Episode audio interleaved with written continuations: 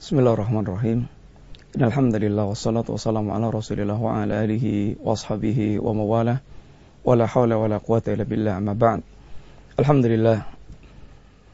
Kaum muslimin rahmati Allah Subhanahu wa taala kembali kita dalam kajian sila akidah, kajian dasar-dasar yang selayaknya seorang muslim dia memahami tentang akidahnya dan kita telah berbicara di antaranya di antara faktor atau di antaranya peran akidah dalam memberikan dorongan kuat seorang muslim dia beramal. Dan sungguhnya kenapa kita mesti mewujudkan amal saleh? Karena sungguhnya amal saleh akan mewariskan kebahagiaan dalam kehidupan seorang muslim. Tidak akan terwujud kebahagiaan yang hakiki yang diharapkan setiap manusia kecuali dan mewujudkan akidah yang sahihah dan amalan yang salihah. Allah Subhanahu wa taala menyebutkan ayatnya yang mulia Man amila salihan min dzakarin aw untha wa huwa mu'min falnuhyiyannahu hayatan thayyibatan Barang siapa yang dia beramal saleh baik dia laki-laki atau dia perempuan sedangkan dia mukmin maka akan kami hidupkan dia dengan kehidupan yang baik. Al hayatu thayyibah para ulama mengatakan al hayatu sa'adah ini kehidupan yang bahagia. Kehidupan yang bahagia apa itu? Dikatakan para ulama pula itu itminanul qalbi wang sadri. Tenangnya hati dan lapangnya jiwa. Siapa pun yang dia memiliki kehidupan jenis ini, maka sungguh dia telah mendapatkan hakikat kebahagiaan yang diidam-idamkan semua manusia. Dan ini tidak akan terwujud kecuali dengan dua perkara yang Allah katakan tadi ini al-iman al-imanus sahih wal amal salih ini iman yang sahih dan amalan yang saleh kaum muslimin yang rahmati Allah Subhanahu wa taala bukankah kita telah melihat dalam kenyataan kehidupan kita pula berapa banyak orang mereka sampai pada tingkat kesimpulan seakan kebahagiaan merupakan fata morgana. Sesuatu yang dikejar dan dikejar dan tidak pernah mendapatkannya. Karena mereka bayangkan sebagiannya membayangkan kebahagiaan ada di harta mereka, kebahagiaan ada di ketenaran mereka, kebahagiaan ada di jabatan mereka, kebahagiaan ada di istri dan anak mereka, dan sungguhnya tidak di situ kebahagiaan. Sekalipun kita tidak mengingkari bahwa anak, istri, jabatan, harta, ketenaran merupakan faktor yang akan bisa memberikan andil seorang itu lebih merasa bahagia. Akan tapi masalahnya kebahagiaan letaknya di hati manusia. Selama kebutuhan hati seorang tidak terpenuhi, maka tidak akan pernah mungkin seorang dia mendapatkan kebahagiaan dan terpenuhnya hati manusia hanya dengan iman. Hanya dengan keimanan akidah yang sahihah. Sehingga apabila kita telah mendengar kisah para artis, kisah para raja, kisah orang kaya, kisah orang yang tenar, dan bagaimana mereka memiliki gambaran hidup yang suram, yang mengeluh, yang gelisah, yang sempit, yang susah. Maka dengarkan ucapan para ulama yang memiliki akidah yang sahihah yang telah tertanam dalam hati mereka sebagian mereka mengatakan masakin alu dunya kharaju minad dunya walam ya, walam yadhuqu atyaba ma fiha wa ahla. Sebagian mereka mengatakan sangat kasihan penduduk dunia. Mereka meninggalkan dunia sedang mereka belum pernah merasakan sesuatu yang paling indah dan paling manis, paling enak, paling lezat rasanya. Sedangkan kita semuanya mengetahui dan menjadi tuntutan kita bahwa kita hidup di dunia, kita ingin merasakan yang paling lezat. Kalau bisa kita memiliki dan merasakan yang paling indah, paling lezat. Kalau bisa makanan kita paling lezat, pakaian kita paling enak, dan semua yang kita rasakan paling nyaman, paling enak. Akan tapi Berapa banyak kata beliau manusia yang mereka keluar dari dunia dan belum pernah merasakan yang paling lezat, paling enak, paling nyaman ketika ditanyakan apa itu. Marifatullah wa mahabbatullah wal ans biliqa'illah atau kalimat yang semisal dengan itu. Yaitu mengenalnya hati kepada Allah, kecintaan hati kepada Allah, dan adanya kerinduan seorang bertemu dengan Allah SWT. Ini yang membuat hati mereka dipenuhi dengan kebahagiaan yang luar yang sangat luar biasa. Ketika ada seorang ulama yang sedang mengobrol dengan kawannya, bagaimana mengisahkan tentang kelapangan hidup dan kelapangan dirinya bersama dengan akidah dan iman yang tertanam dalam hatinya. Dia mengatakan, "Lau ya'lamul muluk wa abnaul muluk ma nahnu fi lajaladuna bisuyuf. Seandainya para raja dan anak-anak raja mereka mengetahui apa yang sedang kita rasakan niscaya mereka akan merampas dengan pedang-pedang mereka. Kaum muslimin rahmati Allah SWT ungkapan-ungkapan ini merupakan ungkapan mereka ungkapan hati mereka buah dari akidah yang tertanam di hati mereka Bagaimana mereka merasakan longgarnya hidup mereka, lapangnya jiwa mereka, dan indahnya kehidupan mereka yang boleh jadi bersama itu mereka sungguhnya dalam kehidupan dunia nampak dalam pandangan manusia orang yang sengsara dan merasakan, merasakan sempitnya hidup. Bagaimana tidak? Seperti Sayyid Salam Ibn Taimiyah yang direncanakan dibunuh, yang direncanakan diusir, yang direncanakan ditangkap untuk dipenjara. Akan tapi apa yang menjadi perkataan beliau? Ma'yaf aluna a'dai. Apa sih yang diinginkan oleh para musuhku terhadapku? Inna jannati fi sadri.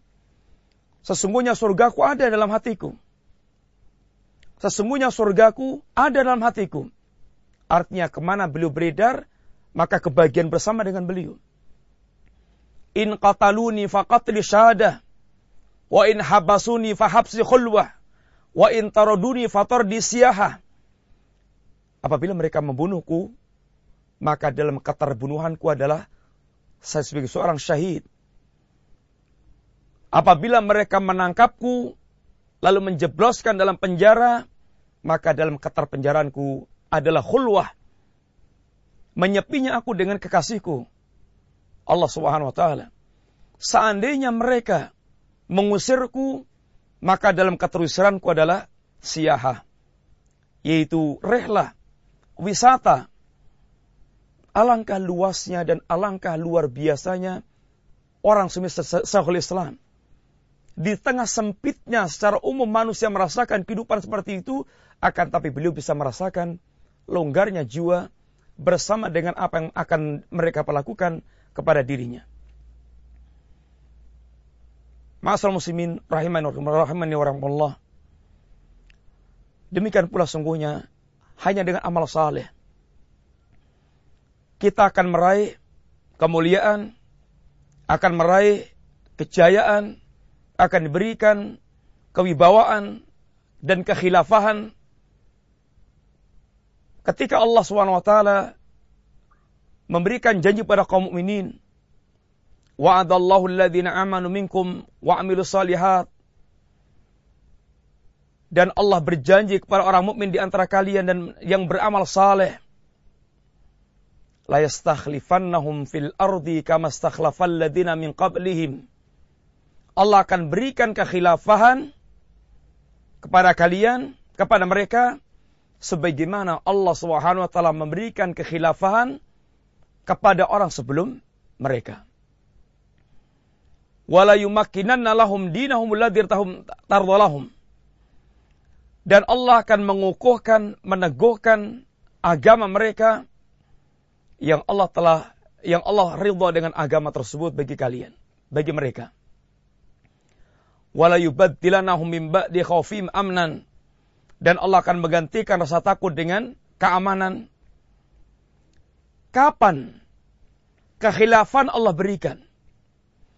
kapan keteguhan Allah akan datangkan. Kapan rasa takut Allah gantikan dengan keamanan. Ya'budunani la yusriku nabi syai'an.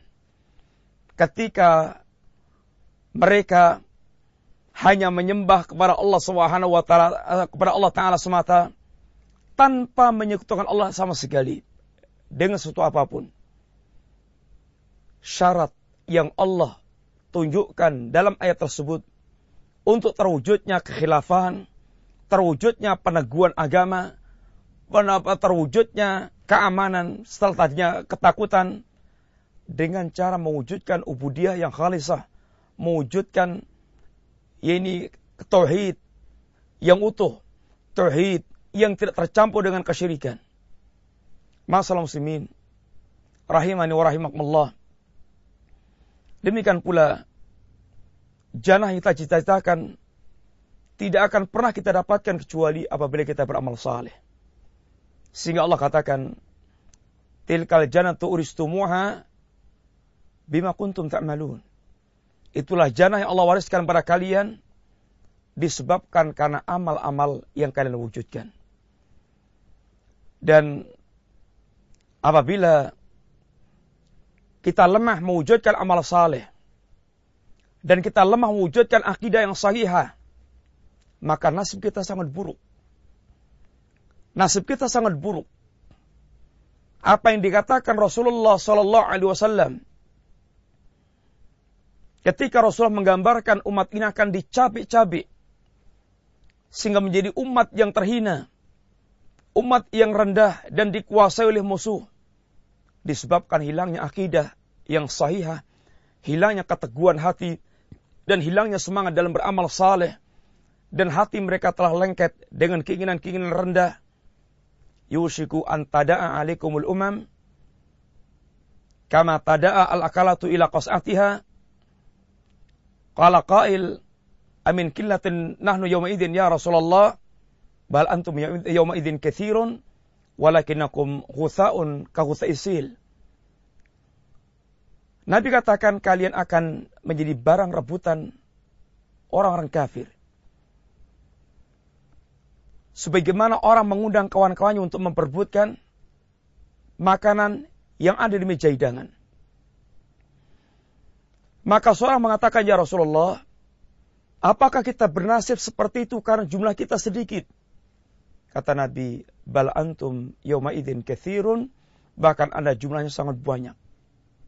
Walakinnakum, akan tapi kualitas anda, Ghutha'un kahutha isil, bagikan buih yang ada di sebuah aliran.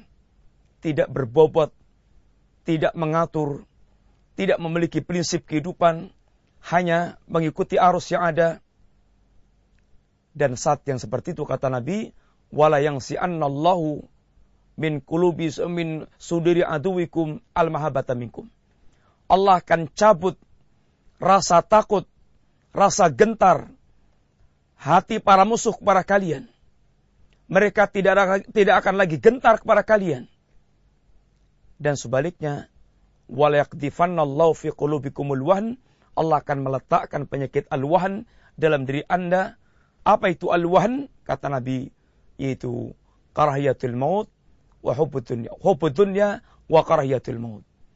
Ketika hati telah lengket dengan dunia, mencintai dunia, dan mereka takut pada kematian, bukan kita tidak boleh memiliki dunia.